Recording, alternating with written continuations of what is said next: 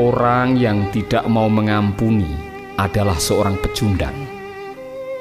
Karena untuk mengampuni memang dibutuhkan keberanian, yaitu keberanian untuk menghadapi sakit hati dan keberanian untuk membalas kejahatan dengan kebaikan, dan keberanian untuk menyerahkan pembalasan kepada yang berhak untuk melakukannya, yaitu Tuhan.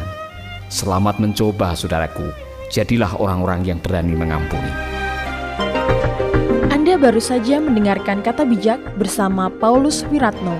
Dapatkan kata bijak setiap hari di handphone Anda, ketik rek spasi nasihat, kirim ke 9333. Hubungi kami di 0361 7933 612 atau di 081 338 665500. Nantikan kata bijak berikutnya.